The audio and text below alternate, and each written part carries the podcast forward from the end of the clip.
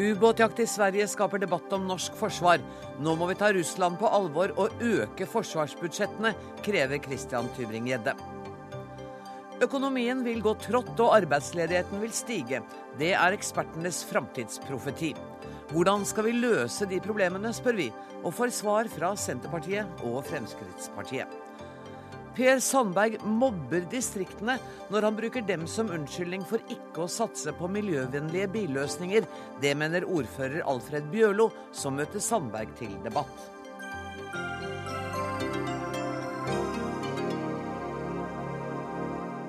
Dette er tirsdagsutgaven av Dagsnytt 18, der vi også skal høre at Indonesia har fått ny president, og for første gang er det en mann av folket som skal lede landet. Men først skal vi til Sverige. For der fortsetter ubåtsøket. Og nå i ettermiddag melder svenske medier at tungt bevæpnede soldater skal ha gått i land på flere øyer i skjærgården i forbindelse med søket i områdene utenfor Stockholm. Den svenske forsvarssjefen Sverker Göransson sa i dag at Sverige har blitt krenket på eget territorium. Det her er mye alvorlig. Jeg skulle gå til den grad at jeg skal ikke anvende skånska, men jeg skal si det er rett og slett for jævlig at noen eller noe er inne på svensk territorium på dette settet. Det er veldig trolig at en virksomhet har pågått eller pågår. Det sa altså den svenske forsvarssjefen Sverker Göransson tidligere i dag. Nå klokka 18 startet en pressekonferanse hos Forsvarsstaben i Sverige. Og der er du reporter Joakim Reigstad. Jeg går ut fra at pressekonferansen ikke er kommet helt i gang enda. Men hva er det der ventet skal komme fram der? Nei, Det er vel først og fremst ventet at forsvaret, det svenske forsvaret vil gi betraktning av uh, hvordan de ser på det videre arbeidet og eh, hvordan de eh, Nå må jeg bare flytte meg litt, for da ble jeg bedt om å, å gå ut. Det var litt eh, forstyrret hvis Sto du midt i veien? Sto visst midt i veien her. Ja, jeg det skal rekapitulere litt. Vi, må, vi må ha respekt for andre også. Det syns jeg. Nei, det, det, syns jeg også. Vi, vi vet jo det at vi da høyst sannsynligvis kommer til å, å snakke litt mer om den videre framdriften her. og og at de kommer til å si litt om eh, også de funnene, mulige funnene som er gjort, og den aksjonen som har vært med spesialsoldater og også med dykkere som har vært i dag. Ja, for det virker som det er utrolig vanskelig å få vite hva det er det svenske forsvaret har vært i kontakt med på havbunnen der. Ja, Man har jo noen indikasjoner, og en av de indikasjonene er jo først og fremst at eh, man mistenker at det kan ha vært en eh, form for eh, signal eller en sender, en sonar, som man har funnet. Eh, Men dette er høyst ubekreftede meldinger som, som eh, vi ikke har fått vite noe mer om. Det kan jo hende det er noe av dette her eh, Forsvaret kommer til å si noe om nå i, i nå, ja, akkurat nå på denne pressekonferansen. Joakim, vet du hva, hvis det skjer noe oppsiktsvekkende, meld deg på igjen, så tar vi deg inn mot slutten av sendinga igjen. Er det en avtale? Det er en avtale. Tusen takk skal du ha, Joakim Reigstad i Stockholm. Her hjemme skaper denne ubåtjakten debatt om hvor godt rustet vi er til å forsvare vårt eget territorium. Og I Dagsavisen i dag så skriver du, Christian Tybring-Gjedde, at Russland må tas mer og mer på alvor i forsvarsbudsjettene, og dette må avspeiles i de norske forsvarsbudsjettene. Hvordan ser du for deg at det skal gjøres? Ja, Nå har vi jo eh, erfart da, at Russland har eh, ruster opp. Eh, og det er ikke sånn at for dem vi har hatt fred siden den kalde krigens dager, at den freden vil vare til evig tid. Eh, Jeg tror det er viktig at vi er i stand til å være til stede. eh, Mer tilstedeværelse enn vi har hatt eh, de siste årene. Det har jo vært en selv tverrpolitisk enighet om at eh, det er nå er det de gode tidene som kommer etter den, eh, etter den kalde krigen. Og Jeg tror kanskje vi må orientere oss litt eh, annerledes fremover. Men det er ikke det samme som å si at jeg tror Russlands intensjoner er å eh, gå i nord eller krysse noen grenser. Men det er viktig at vi har den beredskapen på topp. Og jeg mener dessuten at det er viktig at vi har flere militære, rett og slett mange flere som går inn i, som blir vernepliktige og går gjennom Forsvaret. Eh, For å få den legitimiteten som Forsvaret bør ha i befolkningen. Og Begrunnelsen for dette mener du er at Russland ruster opp. Men i går hadde jeg forsker Asle Toje her i studio. og Han snakket om han hadde vært i Kaliningrad og sett marinebasene der. Og han sa at altså, de marineskipene de synker liksom liggende i havna. Det er så dårlig. Og det man frykter, er at eh, når ubåten er ute og går, at de skal rett og slett eh, ikke klare seg. Mens du snakker om en opprustning. Ja, men Det er ikke noe tvil om at Russland har brukt mer penger på Forsvaret. Eh, Det er ikke noe tvil om. Og også annekteringen av Krim er også en indikasjon på det. At de er litt mer aggressive enn de var før, fordi at de har kapasitet til det. Jeg tror ikke det er for å vekke den gamle Sovjetunionen til live igjen. Men allikevel så er det viktig at vi skal forsvare vårt territorium. Vi skal ha, være til stede det som er Norges geografiske område. og Det gjelder inkluderer også nord, og det krever faktisk ressurser. og Det driver regjeringen med, med å bevilge mer penger til Forsvaret, og det er fornuftig. Hvor mange flere førstegangspliktige bør vi ha ut? I dag er det jo kun én av åtte som eh, avtjener verneplikten, og det er stor kamp om å være de, den ene av de mm. åtte. Mm. Uh, og Nå får vi allmenn verneplikt også for kvinner, og det er jo positivt. Det blir enda mer kamp om de få plassene som er i Forsvaret. Jeg tror det er viktig at man får den legitimiteten at flere går gjennom Forsvaret. Om det, skal dobles eller hva det skal, det får Forsvaret uh, vurdere selv. Men jeg tror Forsvarets behov er mye mer enn stridsevnen. Forsvarets behov er også hva den kan skape av forståelse og fellesskap i det norske folk. I, gamle dager, ikke så veldig mange år tilbake, så var det slik at alle ikke, menn gikk gjennom verneplikten og førstegangstjenesten. Det skapte et spesielt samhold i folket og en stor forståelse ja, gjorde det det? Husker du hvor upopulært det var? Nei, men det Jeg husker fra jeg var 15 måneder i Forsvaret, både militærpoliti og i Stavern og på Gardermoen og jeg var på Nato på Kolsås, det de gjorde, dette fellesskapet, både når du, når du på, bor på et seksmannsrom, du må stå opp om morgenen sammen, du må spise sammen, du må marsjere, du må knytte skolissene dine, og du må pusse støvlene dine. Du gjør dette sammen, skaper fellesskap, og det er veldig viktig, ikke minst i den eh, store endrede eh, Norge vi lever i i dag. Så det er to ting. Det er både den russiske opprustningen og den fellesskapsfølelsen du mener vi nå trenger. Helge Lurås, leder for Senter for internasjonal og strategisk analyse. Du skriver i avisen i dag at du syns ikke det er noen grunn til å ta seg spesielt i akt nå. Nei, jeg ser ikke noe endra politikk fra Russlands side i forhold til Norge, med mindre Norge da stiller seg på Russlands fienders side. Altså Det at Russland har markert eh, makt og innflytelse i Ukraina, er ikke noe som tilsier at de gjør det tilsvarende mot Norge. Altså, Russland har en rekke både interne og eksterne problemer, og er i hovedsak fornøyd med status quo eh, i forhold til Norge. Så jeg syns en retorikk som går på å bygge opp det norske forsvaret for å møte en russisk trussel, er både unødvendig og til dels uansvarlig også, for det sender jo et signal og kan bli en selvforsterkende prosess og en selvoppfyllende profeti i forhold til Russland, og det ønsker vi absolutt ikke. Vi er avhengig av et godt forhold til Russland. Vi har en rekke bilaterale prosesser som er nødt til å gå sin gang i nord. Men, men mener du f.eks. da at Sveriges tidligere utenriksminister Carl Bildt har vært for skarp i sin retorikk mot Russland? Ja, det mener jeg han har eh, vært. Jeg mener at også eller Vestens, og spesielt av Natos ekspansjonspolitikk mot øst, og særlig når det går inn i områder som også har etniske russere, så er det også veldig provoserende i forhold til Russland. Og årsak-virkning så må man også forstå at det kommer motreaksjoner. Så jeg mener at en, en mer eh, fornuftig politisk tilnærming til Russland vil også dempe noe av behovet for militære ressurser, som Tybring-Gjedde påkaller i dette tilfellet klokskap, men ikke feighet? Nei, altså det er, eh, det er eh, vi, har, vi har eh, kapasitet til å avskrekke Russland i øyeblikket, og det mener jeg vi skal fortsette å. Ikke bare Russland, men enhver annen stat. Men å bruke Russland spesifikt som argument i den situasjonen vi er i nå, det mener jeg er unødvendig og uansvarlig. Ja, altså, jeg har heller ikke sagt at eh, Russland er en trussel. Det tror jeg er veldig viktig at vi ikke sier bare vi diskuterer dette, så legitimiterer man den diskusjonen, og den bør vi bare legge død med en gang. Eh, og jeg syns også at retorikken har vært altfor skarp fra, fra Natos side, ikke minst. Du er enig i det? Ja, ja visst er jeg enig i det. Eh, og det var jo også antydning om at Putin var den nye Hitler osv. Det tror jeg er helt meningsløst. Det har ingen som tjener på, og vi har stor handel med, med Russland. Men vi må faktisk også se hva de faktisk gjør, uh, uten at vi kan lese deres intensjoner. Og det de faktisk gjør, dersom det er slik at en, en ubåt dukker opp i Stockholms skjærgård, og den er russisk, det vet vi ikke ennå, uh, da er det klart at det er krenking av et annet lands territorium. Og det må også vi ta på alvor. Vi skal ha suverenitetshevelse. Det er grenser som går både utenfor Sverige og Norge. De må ivareta og ikke kunne bare akseptere dersom de blir krenket. Men, men sier vi, altså dere sier begge to at vi har muligheten til å både avskrekke og forsvare oss. Eh, sånn at denne økningen i førstegangstjeneste, den kunne vel du gått inn for uavhengig av det som skjer i Sverige akkurat nå?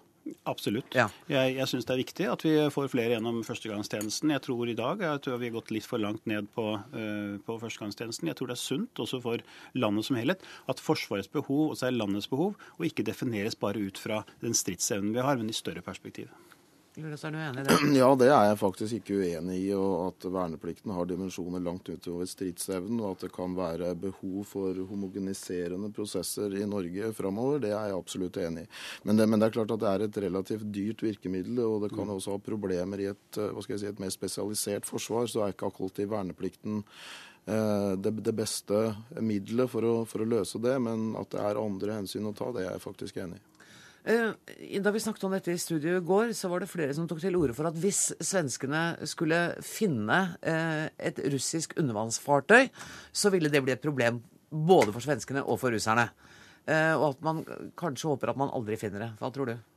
Ja, nei, det er jeg helt enig i. Det, det, vil være problematisk for begge sider. Først og fremst uh, for russerne, men det er klart at uh, også for svenskene så kan det være rett og slett uh, problematisk hvordan de skal forholde seg rent militært til en sånn situasjon. Så jeg, jeg, tror nok at svenskene gjerne vil ha klare indikasjoner på at noe har vært der, men de vil nok helst ikke bruke synkeminer for å få det opp. Og det har det heller ikke vært aktuelt å gjøre foreløpig. Vi hører altså nå at tungt bevæpnede soldater har gått i land på flere øyer i skjærgården. Vi må bare følge med utover kvelden. Tusen takk for at dere kom til Dagsnytt 18, Christian Tybring-Hedde og Helge Lurås. Dagsnytt 18 alle hverdager kl 18.00 på NRK P2 og NRK2.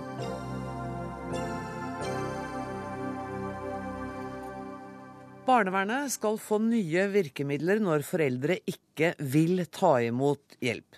Urinprøver og meldeplikt er to av de tiltakene som barneministeren vil prøve ut i familier der situasjonen ikke er så alvorlig at barnet må tas ut av familien. Solveig Horne, barne-, likestillings- og integreringsminister. Det er ikke så vanskelig å forstå at det var behov for endringer her. Men hvilke vurderinger har dere gjort for å komme fram til disse tiltakene? Det er først og fremst for at vi skal styrke barns rett til hjelp. For vi ser så altfor ofte at vi kommer inn for seint, eh, og at det er foreldre som nekter å ta imot hjelp. Og så får du en omsorgsovertagelse. Og det er jo akkurat det vi ønsker å unngå. Vi ønsker jo at barna skal kunne bo hjemme hos foreldrene sine, og at foreldrene skal ta imot hjelp. Og i dag er det sånn at eh, barnevernet kan pålegge barnehage. Men vi ser at det er ikke nok, og, og, ofte så er det viktig at du kan ha leksehjelp, du kan få en, en støttekontakt, du kan få eh, tilbud om eh, foreldrestøttende tiltak for foreldrene, sånn at foreldrene kan også se og lære seg å bli gode omsorgspersoner, som er det beste for barna, sånn at barna kan bo hjemme med foreldrene sine. Men dette med meldeplikt og urinprøver, altså hvis foreldrene ikke vil ha hjelp, hvordan skal dere få dette til? Det er, det er jo selvfølgelig en, en, vanskelig sak, men samtidig så er det altså eh, et, et, håp for foreldrene og på en måte et signal å sende til foreldrene òg at eh, hvis dere kan motta denne her hjelpa her, så kan dere altså få lov til å få beholde ungene deres. Og det at barnevernet da har muligheten til å kunne komme på uanmeldte tilsyn, det at de har meldeplikt, det skal jo være for å sikre at barn ikke blir utsatt for, for omsorgssvikt og, og mishandling. Så det er jo også å styrke barns rett til hjelp dette forslaget her går ut på. Rigmor Aasrud, Arbeiderpartiet. Du er ikke helt overbevist om disse tiltakene? Nei, Jeg deler statsråd Hornes eh, ambisjon om at vi skal gi alle barn gode tiltak i barnevernet. Så, så har jeg heller ikke sett forslagene fra Horne ennå, annet enn i, i omtalt i, i, pressen. Så jeg vil jo ta det forbeholdet at jeg vil se hvordan de blir innretta. Men jeg tror tillit er nøkkelordet i barnevernet. Hvis vi skal få til endringer hos foreldra, så tror jeg det er viktig at de har tillit til de folka som skal hjelpe dem. Og jeg er enig med Horne. Det, vi bør kanskje gi enda mer veiledning for foreldra tidlig. Men da tror jeg det er vanskelig å kombinere med tvangstiltak. For hvis foreldra ikke vil, mm. og du kommer fra myndighetenes side og sier at sånn skal det være, så kan det virke akkurat der og da. Men unga skal jo leve sammen med de foreldra 24 timer i døgnet, sju dager i uka. Og jeg er bekymra for om det er den rette måten å gå fram på for å få gode tiltak. Men så, nå skal jeg se forslagene fra Orno, så får vi ta det derfra. Men jeg er opptatt av at vi må jobbe enda mer med forebygging. Det tror jeg er det aller viktigste. Tidlig. Men da må jo barnevernet inn veldig tidlig. Ja. Og, og hvor tidlig oppdager man at noe er litt skakt. Ja, og Der tror jeg vi er enige om at uh, det er viktig at flere melder fra til barnevernet. Og når du melder fra til barnevernet, så må barnevernet ta og undersøke de eh, bekymringsmeldingene de får. Vi hører jo altfor ofte nå om at barnevernet legger vekk saker eh, som det viser seg ettertid at man burde ha tatt tak i. Og det tror vi den eneste måten å styrke det på, er å sørge for at mm. barnevernet har mer ressurser. Det Nettopp. trenger vi. Men det er jo, vi er jo helt enig i dette. Mm. Og, og, det du sa ordet tillit, det er jo det som er så viktig der. Det å kunne skape en tillit mellom foreldrene og barnevernet, sånn at foreldrene faktisk ser at barnevernet er der for å hjelpe. Eh, og så er det jo det at det ofte så er det sånn at når, når, barnevernet da kommer inn og ser at det der er, og når foreldrene nekter, så må de altså gå til et skritt at de må gjøre en omsorgsovertakelse. Og det er jo det mest inngripende du kan gjøre. Mm. Og, og, hvis vi da kan på en måte få foreldrene til å forstå at dette er faktisk hjelp, barnevernet er der for å hjelpe. Hvis dere sier ja til disse hjelpetiltakene, så får du faktisk beholde barnet ditt. Og så er det barns omsorg, eller barns behov for hjelp, som ofte kolliderer med foreldrene sine, sine synspunkter og Da er det viktig at barnevernet har flere verktøy som kunne pålegge andre tiltak enn barne, bare barnehage. For at alternativet det er faktisk en omsorgsovertakelse i enkelte tilfeller. Og Jeg er helt enig med Horne at det er viktig at man tilbyr foreldra den hjelpa. Og hvis foreldra sier ja, så er det jo veldig bra. Men det er jo i de tilfellene der foreldra sier nei, eh, at tvang kommer eh, til anvendelse. Og da er jeg veldig i tvil om at det vil bli et godt tiltak for de barna, hvis foreldra må tvinges til å eh, ta imot et helt bestemt hjelpetiltak. Og en institusjon som kan bruke tvang overfor deg, er det jo vanskelig å få tillit til. For det er vel et omdømmeproblem her også. De fleste som jeg kjenner, ville få litt skrekk i blikket hvis jeg foreslo at de skulle ta kontakt med barnevernet? Ja, det, det, er faktisk viktig det med tillit. Og for meg er det da Det, det er derfor eh, regjeringen nå da på en måte fremmer et forslag som sier at det må være fylkesnemndene som skal vurdere disse tiltakene. Det vil gi òg foreldrene en rettssikkerhet, at det er en annen instans enn den enkelte barnevernsansatte som skal gjøre dette her tiltaket her. Eh, så er det på en måte Vi må se Jeg har vært med så lenge nå at det er så mange barn som sier 'Hvorfor kom dere ikke før?' 'Hvorfor kom dere ikke og hjelpet oss?'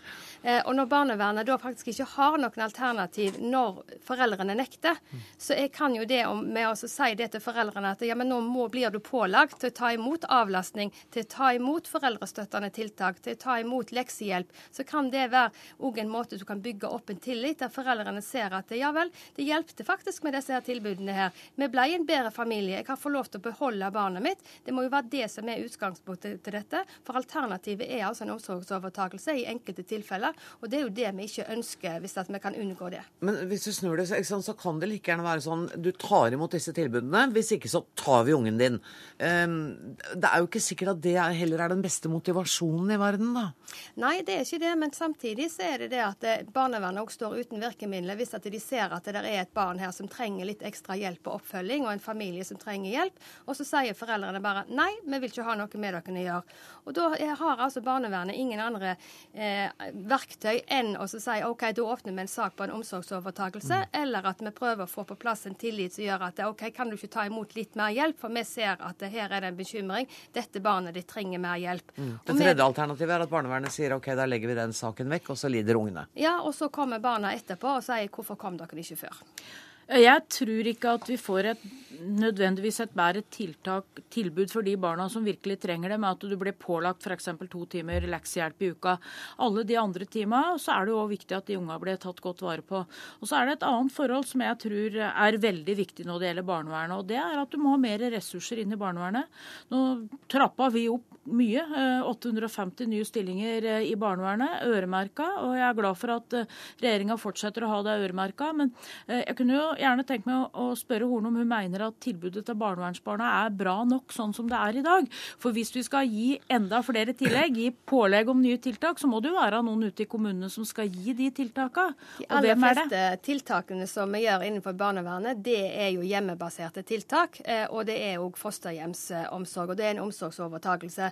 Og jeg er jo helt eh, Eh, enig med det, at vi trenger å styrke det kommunale barnevernet. Vi trenger at barnevernet kommer inn tidlig med forebygging, at de ser den familien, hva er det den trenger, før du må gå til mer drastiske tiltak. Og jeg mener at dette verktøyet som vi gir nå, det vil faktisk gjøre at foreldrene kan få beholde ungene sine. Og dette forslaget skal behandles i Stortinget? så vi kommer ja, skal det ut på høring først, og så Nettopp, regner vi med at det kommer det, innspill. Til Stortinget, vet du hva, Jeg er nødt til å sette strek. Jeg beklager, Rigmor Aase, du fikk ikke siste ordet denne gangen. Det gjorde derimot Solveig Horne. Tusen takk for at dere kom, begge to.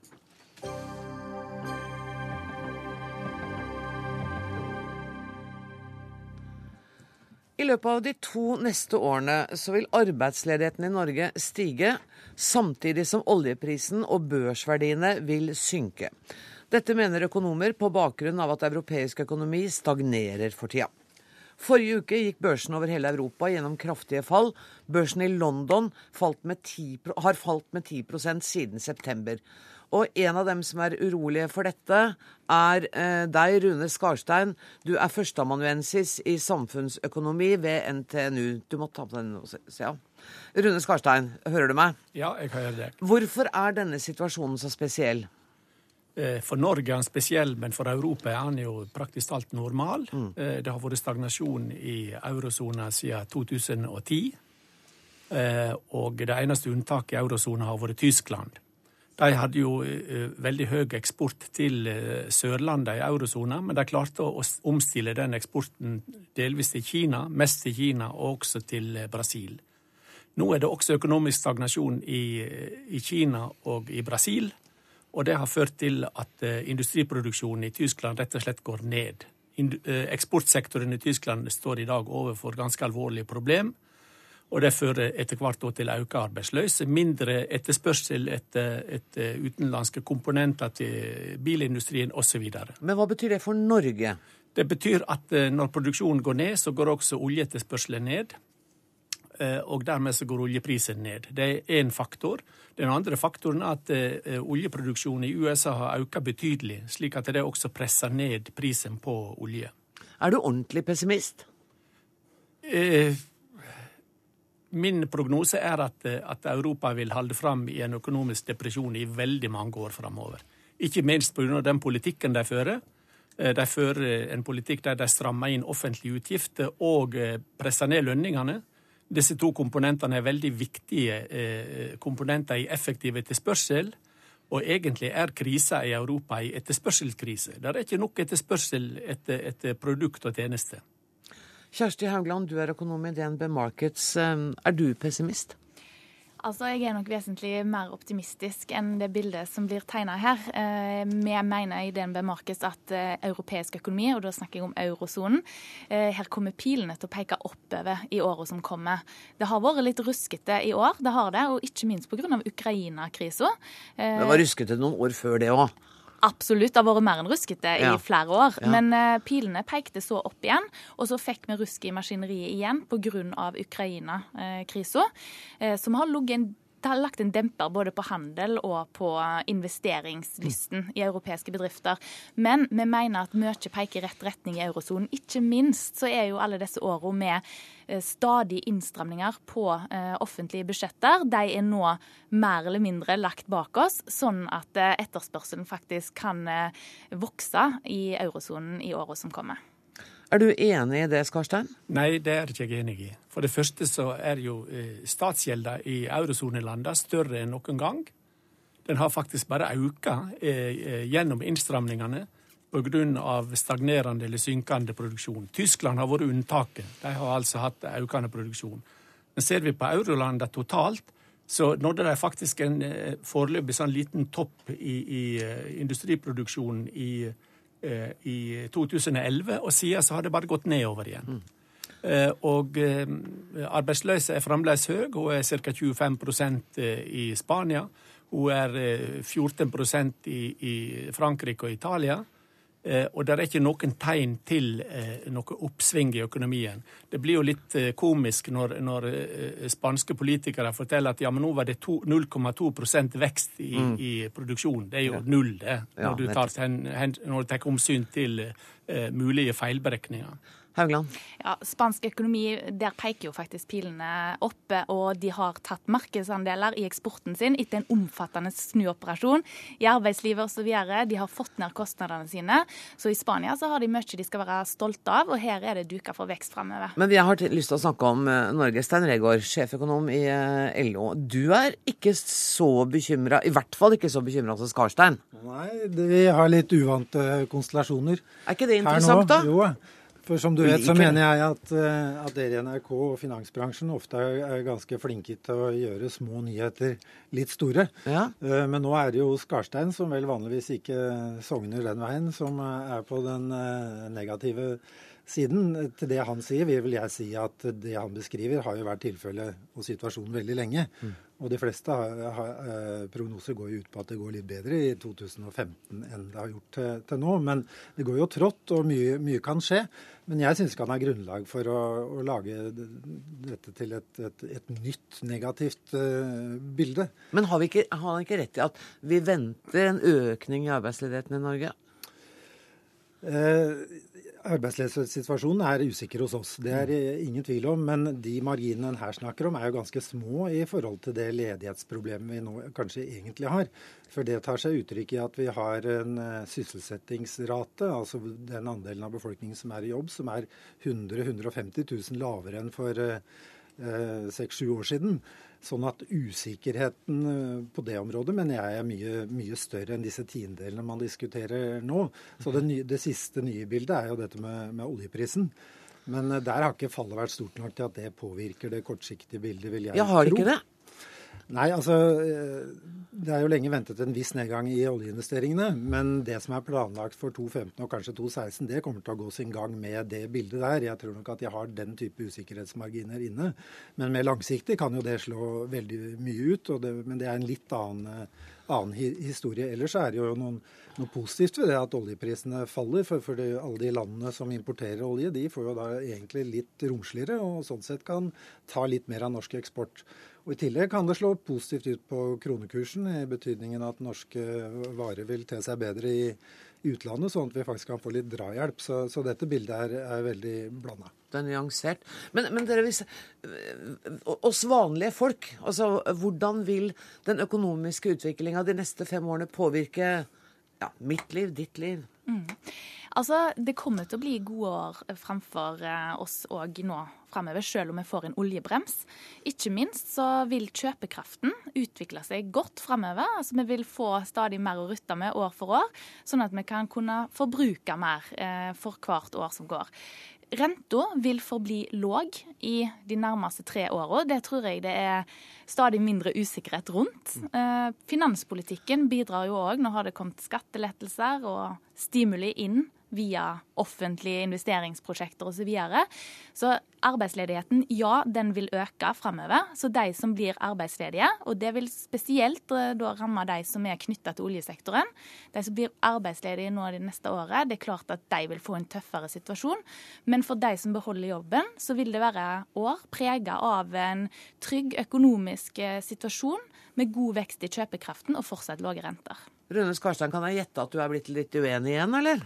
Eh, jeg har jo ikke snakka om Norge, jeg har snakka om Europa. Ja, Men hvis vi skal snakke litt om Norge nå, for det var det ja, siste spørsmålet jeg stilte. Hvordan kommer det til å være for oss? Det tror jeg ikke blir så ille. Nei. Uh, men uh, leveranseindustrien og serviceindustrien i oljesektoren, det vi har på land, kan du si, mm.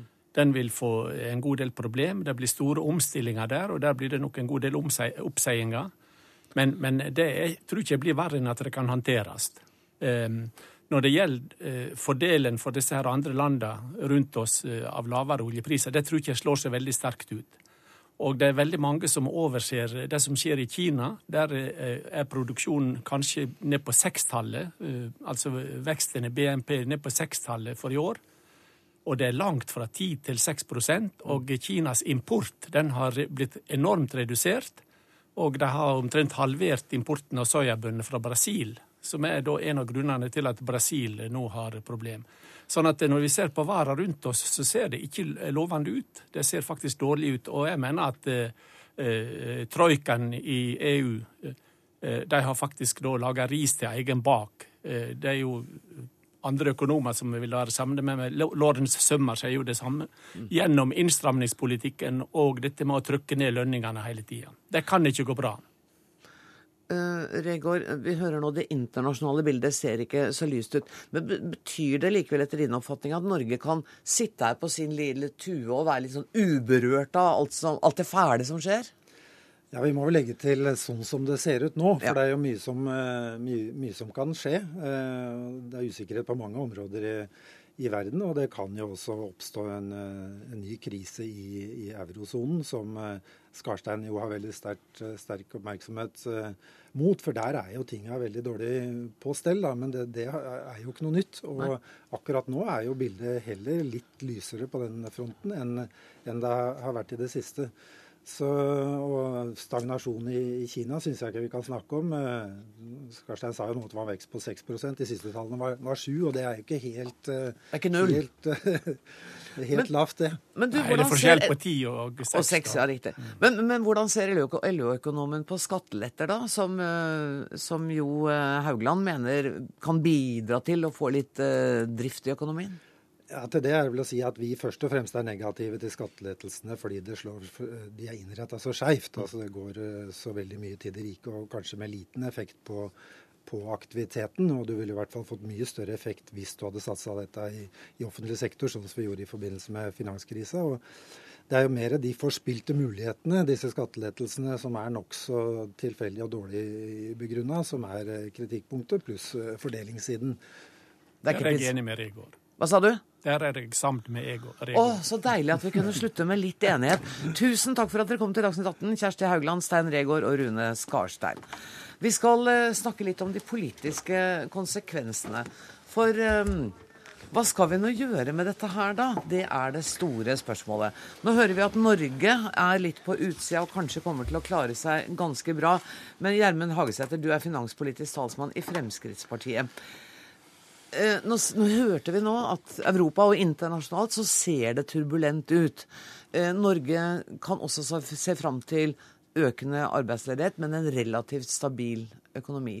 Og så hørte vi LO-økonomen si at skatteletter kan være greit, men innretninga som denne regjeringa har gjort, gir liten effekt. Hva tenker du? Nei, jeg vil jo si først at det, det er åpenbart Det var bare en fire-fem spørsmål i det der. Ja, ja, ja, det var det. Men da vil jeg i hvert fall starte med å si at det er åpenbart at det er mange usikre faktorer her. Og det er mange usikre ting i tiden. Både oljeprisen har falt. Eh, vi har også dette i forhold til både krig eh, både med Ukraina, Russland og konflikten der og i Midtøsten osv. Slik at man, det er åpenbart usikkert hvordan ting kommer til å utvikle seg. Men derfor er det veldig bra at vi har en regjering som er opptatt av konkurransekraft, og som er opptatt av verdiskaping. Og vi har altså, Regjeringa har levert et budsjett for 2015 som er godt tilpassa disse utfordringene som vi står foran. Der fortsetter vi da med de vekstfremmende skatte- og avgiftslettelsene. Og han har også en rekordsatsing, investering, i infrastruktur. Både vei og bane er rekordinvesteringer i. Og Samtidig så fortsetter eh, både regjeringen og stortingsflertallet med å forenkle og avbyråkratisere, redusere skjemaveldet, slik at vi blir mer konkurransedyktige. Og, og det er men, viktig. Og du mener at dette er tiltakene som skal til for å møte en eventuell sterkere politisk krise? I forhold til det som vi ser i dag, så er det budsjettet som er fremlagt, og de tiltakene som er fremlagt, godt tilpassa den utfordringen. Og så er selvfølgelig det at oljeprisen har falt til midten av 80 dollar, altså ca. 85 dollar fatet hvor den er om to måneder, om fire måneder, om seks måneder fram i tid. Om den er 95 dollar fatet, eller om den er 75 dollar fatet, det er det altså ingen som vet. Men inntil nå så er det ikke et dramatisk fall, hvis Nei, vi skal tro Nei, inntil nå så er det ikke et dramatisk fall. Eh, det er klart at det er dramatisk for enkelte bedrifter, men eh, samtidig så eh, vil det medføre også, som det ble sagt, at kronekursen svekker seg, og at andre virksomheter blir mer konkurransedyktige. Trygve Slagsvold Vedum, vi hører her at ja, Hagesæter sier at Fremskrittspartiet er opptatt av verdiskaping. Det sier jo du at dere er også, og likevel har du en helt annen oppskrift enn Hagesæter. Ja, den er veldig annerledes. Også de gangene man har sett Gjermund Hagesæter mest glad de siste åra, er når han har fått økt taxfree-kvoten, endra netthandel, fått lansert Segway. Det har jo vært liksom merkesaken til Frp. Og det, det gladeste jeg har sett deg, var da du fikk innført ostetollen. Ja, Så blid har ikke jeg sett deg noen gang. Ja, men det var jo nettopp for å bidra til å sikre norsk næringsmiddelindustri, som er en av Norges største og tyngste. Vi skal ikke snakke om ostetoll mer nå. Okay. Men, men det som har vært suksessen i Norge, er at vi har hatt en veldig langsiktig tenkning. Og politikk er langsiktig. Og vi har hatt en langsiktig tenkning på hvordan vi kan bruke naturressursene våre og skape både lokal og nasjonal verdiskapning ut fra det. Og Der er jo Frp og Senterpartiet en ytterpunkt. Også I november 75 så foreslo Frp at vi skulle selge sokkelen. For da kunne vi like godt cashe inn penga eh, og bruke de på velferdsgoder. Mens vi hadde en tenkning at vi kunne bygge opp Statoil, bygge industri og skape verdier. Og Det er noe av problemet med regjeringa i dag også. Når du ser deres næringspolitikk, så er det sånn næringsnøytral. Vi mener noe av suksessen er at du må satse på fiskeri, satse på skog, satse på, på jord, satse på turisme. Og at vi har målretta satsinger på de ulike næringene i Norge for å skape nye arbeidsplasser. Og der har regjeringa trappa ned virkemidlene. Og vi tror det er På kort sikt så vil du ikke merke mye til det. Det vil sikkert ikke bety nesten noen ting neste år, men på lang sikt så vil det bety noe hvis vi ikke bidrar til å skape innovasjon og nye produkter i det som har vært Norges suksess. Og der er det olje og gass, vannkraft, energi, skog, fiske turisme, altså som har vært de store, våre, våre, store eksportnæringer. og Derfor må vi satse mer på det, og ikke mindre. Og det er viktig at vi får flere bein. Men når du verden... sier at, jeg må bare tilbake litt, for når du sier at regjeringen er næringsnøytral, ja. uh, hva legger du i det? Jeg skjønte ikke helt begrepet. Nei, Det skjønner jeg. Altså Det den legger i det, er at altså, de har satt, det ene store grepet i årets budsjett har vært formuesskatt. Mm. Uh, mens når det da gjelder f.eks det å satse på verdiskapingsprogram i fiskeri, mm. det har man redusert bevilgningene til. Når det gjelder å utvikle nye produkter innenfor skog, noe som heter trebasert innovasjonsprogram, så har man redusert bevilgningene til det. Når man har skattlegging av fiskeriene, har man økt skattlegging av jordbruket. Har man økt avgiftsbelegningen eller gebyrbelegningen av næringsmiddelindustrien, har man økt. Og vi hadde en motsatt tenkning. At vi burde stimulere fiskeriene til å få mer videreforedling av produkter i Norge. Vi burde stimulere skogindustrien til å få mer videreforedling av produkter i Norge. Og at det har vært en suksess. At de har sett hvilke naturressurser er det vi har i Norge. Hvordan kan det offentlige bidra til det? Mens Frp har hatt en annen tilnærming. Bare skap et nøytralt system, så løser alt seg sjøl. Og det mener vi er en feil tilnærming. Ja, først vil jeg jo si at denne historiefortellinga til Senterpartiet her, den er ikke vi helt enige i med dette med sokken og alt dette. og det er ikke bruke... sant, altså? Nei, det, det, det, det, Jeg sitter her og ljuger her. Ja, det er litt sånn eh, på grunn av at grunnen til at vi har tjent mye på sokken, det er rett og slett det at vi har hatt en veldig høy beskatning, 78% på sokken. Og uavhengig av om det er norske eller utenlandske, så vil det altså det største delen av pengene komme inn til statskassen uansett. Men du, har jeg oppfattet feil, eller har Carl I. Hagen foreslått at vi skal dele ut oljefondet til hver enkelt av oss? Nei, det tror jeg ikke Carl I. Hagen kan jeg ikke huske at han Men uansett okay. så er det ikke han som er partileder For det, i Fremskrittspartiet nå. Det ville jo også vært drivende hvis vi alle sammen hadde ja, fått mer ja. penger og kunne ja, men uh, oh, det er det, det, var et sidespor, det der, skjønner jeg. Det var et sidespor. Ok, beklager. Nå, nå snakker vi, da får jeg ta tak i videre det som blir nevnt her. Eh, og det som, Jeg tror det er veldig farlig det som blir sagt her om at vi skal liksom på en måte som politikere peke på hva vi skal leve av i framtiden. Jeg tror det at eh, det er veldig vanskelig å vite hva vi skal leve av om 20 år, om 30 år. Det som vi må gjøre, det er at vi må legge til rette. Vi må legge rammebetingelsene til rette for at Og vi må ha utvikling, eh, innovasjon og forskning og eh, jeg tror det at eh, For 30 år siden så ante vi for eksempel ikke hva internett ville bety i dag. Og sannsynligvis så vet vi ikke altså At Facebook og sånne ting eksisterer i dag, ante vi ikke for 10-20 år siden. Og Sånn vil det også være fremover. Det vil være veldig vanskelig å, å vite hva vi skal leve av om, om, 20 og 30 år. Men Du kan ikke bruke det som en unnskyldning for ikke å planlegge? kan du Nei, jo, vi skal planlegge og vi skal legge til rette. Og Det som skjedde under de åtte årene med de rød-grønne styrte, ja. så var det at produktiviteten utviklet utvikler seg langt svakere enn lønnsutviklinga. Man blir altså mindre og mindre konkurransedyktig. Det prøver vi nå å rette opp, og det skal vi rette opp igjen. Slik at norske arbeidsplasser blir tryggere enn de var når vi overtok roret. Men, eh, altså, det som, du hørte i starten av svaret, det var et langt svar. Mm. Det var jo at Den, den pekte på, på sokkelen at det var ikke så viktig om det var norske eiere eller ikke. Og Der er det en veldig stor politisk skille. Og Det ser vi nå i eierskapspolitikken til regjeringa òg. I går så varsla de at de ville selge Cermaq, altså lakseoppdretten, ut av landet. At det var et uh, asiatisk selskap som skulle kjøpe det. Vår tenkning har vært at med de her store naturressursene, så er det viktig at vi sikrer nasjonalt eierskap, har et nasjonalt hovedkontor, som da igjen bidrar til mer verdiskapning rundt. Mens da det Frp sier at det er mer sånn høstingstenkning. Og vi tror at vi får mindre ut, vi, vi, vi, tror at vi får mindre ut av ressursene mm. hvis vi ikke har en nasjonal næringsstrategi, men at det er en veldig sånn kortsiktig tenkning. og et av de eksemplene som vi har diskutert i Dagsnytt 18 før, er den momsgrensa på varehandel. Mm. Der nå Frp subsidierer nettbutikker i utlandet og bygger ned norske. Men dere, bare, vi er nødt til å avrunde her, har jeg fått beskjed om. Eh, helt til slutt, er dere veldig pessimistiske med tanke på den økonomiske utviklinga i Norge de neste la oss si fem til ti åra? Jeg tror vi foran, kan stå foran store utfordringer fremover. Eh, men jeg tror det at så lenge vi har den regjeringen som vi har, så skal vi redde dette. Norge kom ikke nok i alvorlig krise. Eh, hadde den gjengen som satt der før sittet med makten, så, så ville jeg blitt mer bekymra. Ja, da ville jeg vært veldig bekymret. altså, altså, altså, vi, er jo, vi er de politikerne som har størst muligheter, for vi har så mye ressurser. Ja. Men dermed, desto viktigere er at vi tør å tenke langsiktig og ta grep som gjør at vi kan ha noe å leve av oss om fem-ti år. Takk for at dere kom, Trygve Slagsvold Vedum og Gjermund Hagesæter.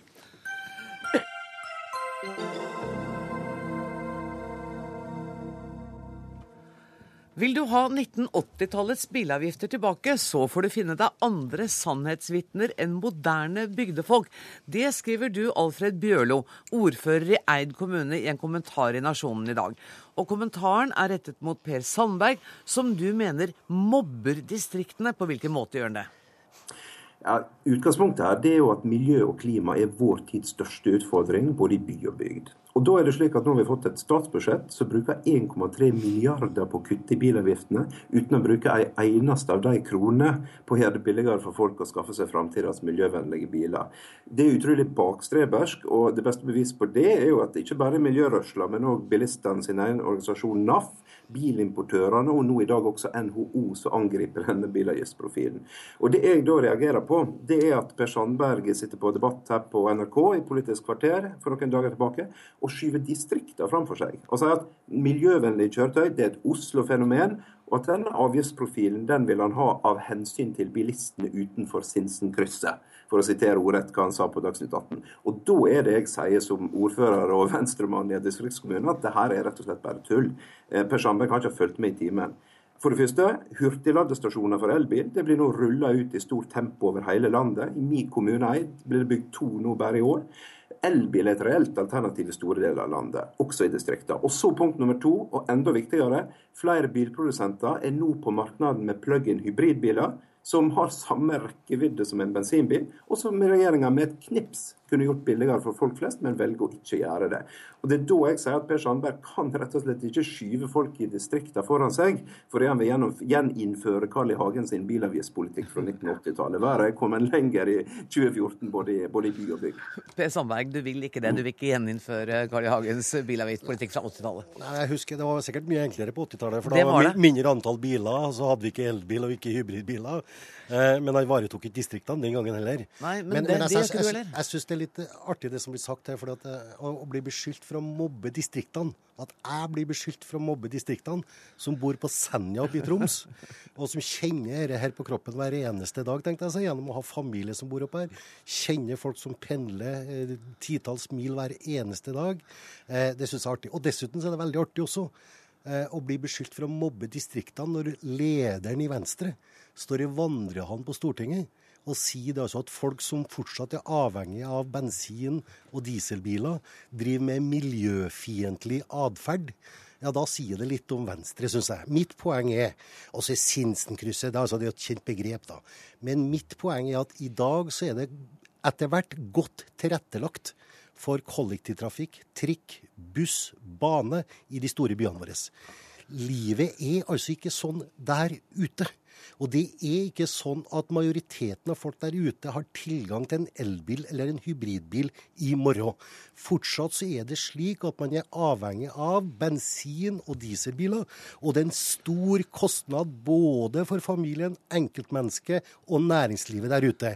Og, da, og, hvis man da, så stiller jeg spørsmålet, hvis man da legger til rette og ser på alternativt statsbudsjett fra Venstre, med 50 øre økning på drivstoffavgift på bensin, 55 øre økning på drivstoffavgift på diesel, pluss en miljøavgift på flyreiser i Norge, så er mitt spørsmål la meg få en, en, prognose på det, og se hvordan det slår ut for distriktene. Det er rett og slett distriktsfiendtlig per dags dato. Men i morgen, men i morgen så vil det komme løsninger. Dere er ikke uenige med Venstre i det hele tatt.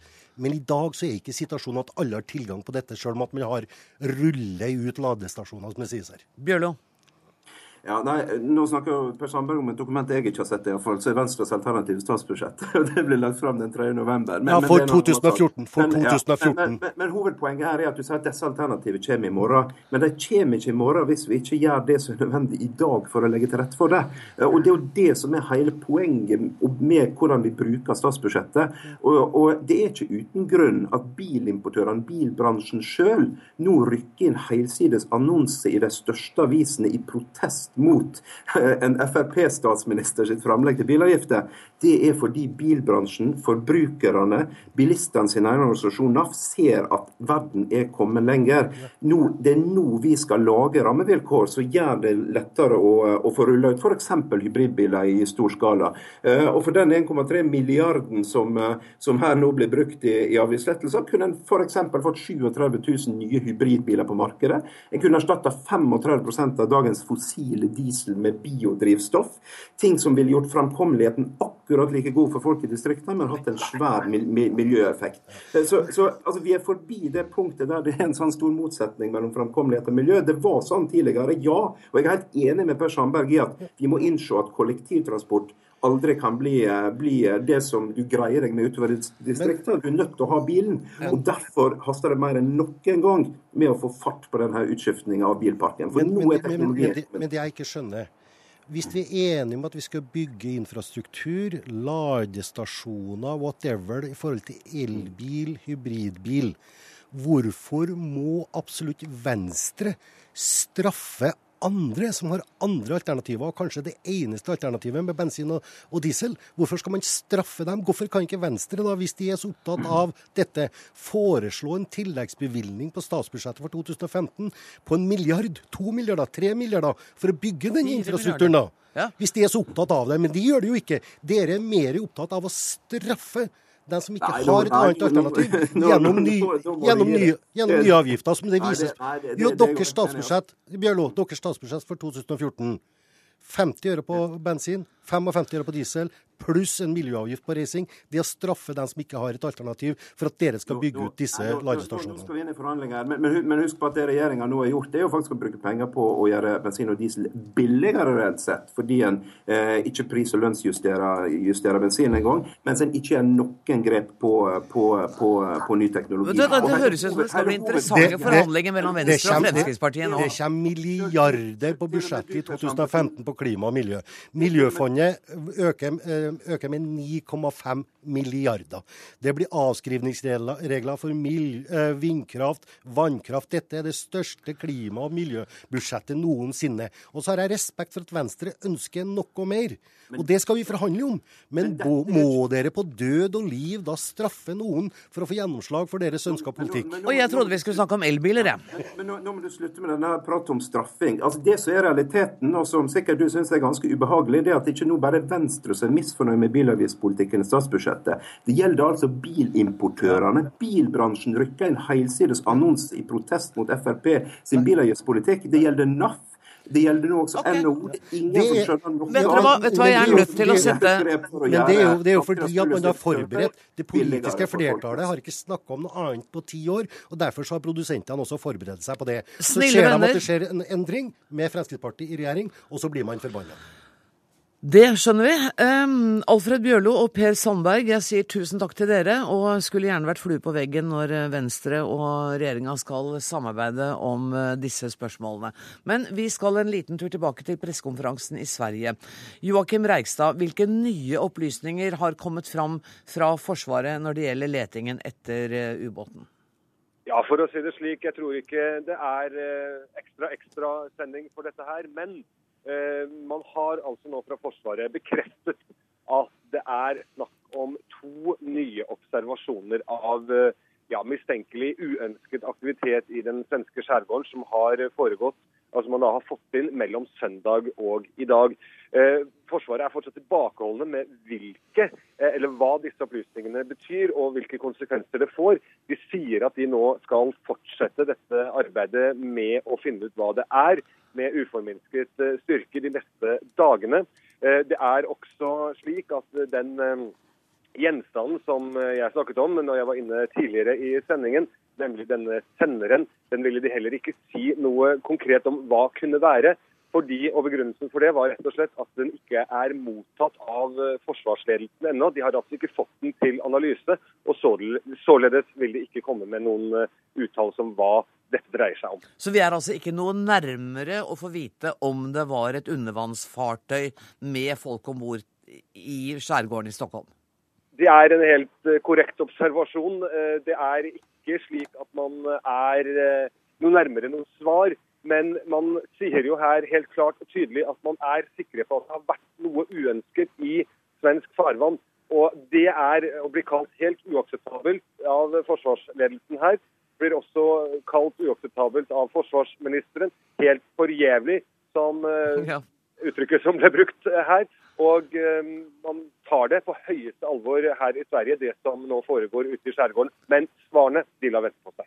Tusen takk skal du ha, Joakim Reigstad.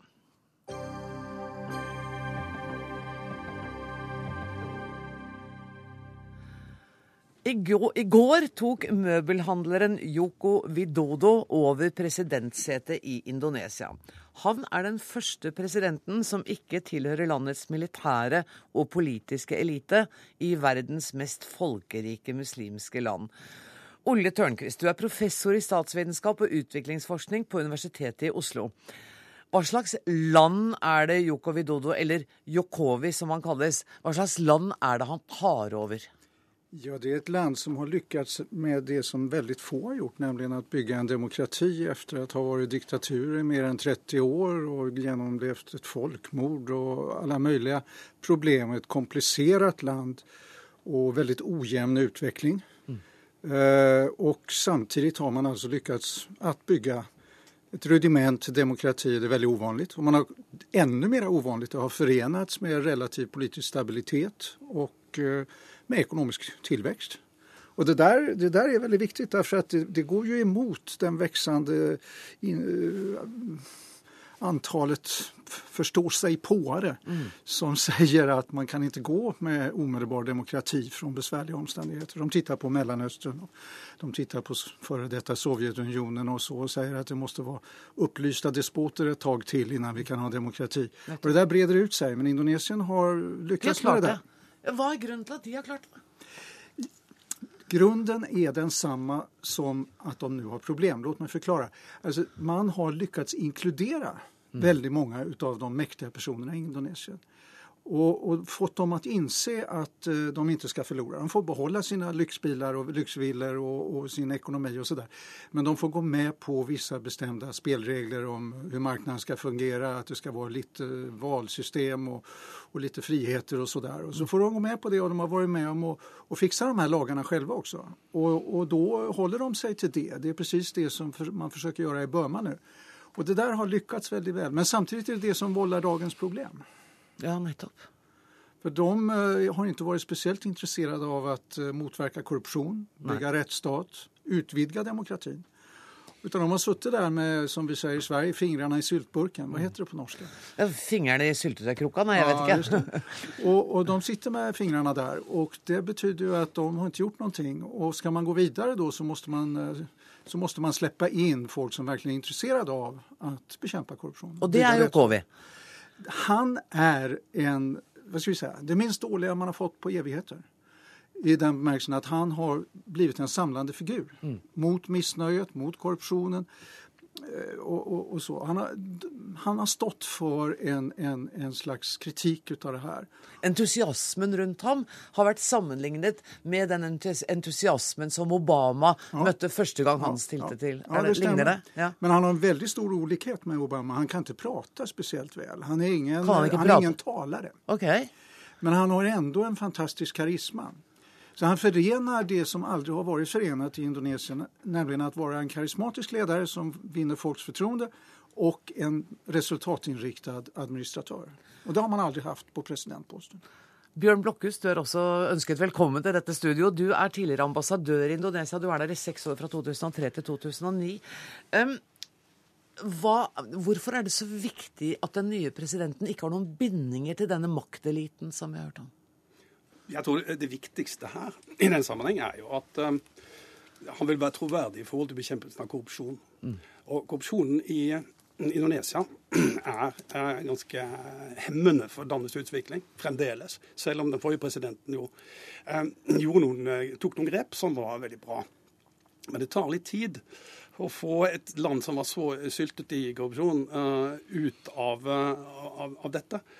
Og det, det, tror jeg må være liksom, den, den, den, viktigste oppgaven for, for Jokovo nå. Fordi at han ikke tilhører eliten, så vil han ha troverdighet i den sammenheng. Og Korrupsjonen sprer seg overalt. Da jeg var i Indonesia for mange år siden, så var jo det indoneserne var opptatt av, at de sa vi kan kjøpe oss en rettskjennelse. Altså Rettssystemet er gjennomsyret av dette. Ja, og det har, en, det har, jo en, annen virkning også enn det at eh, folk kan kjøpe seg dommer.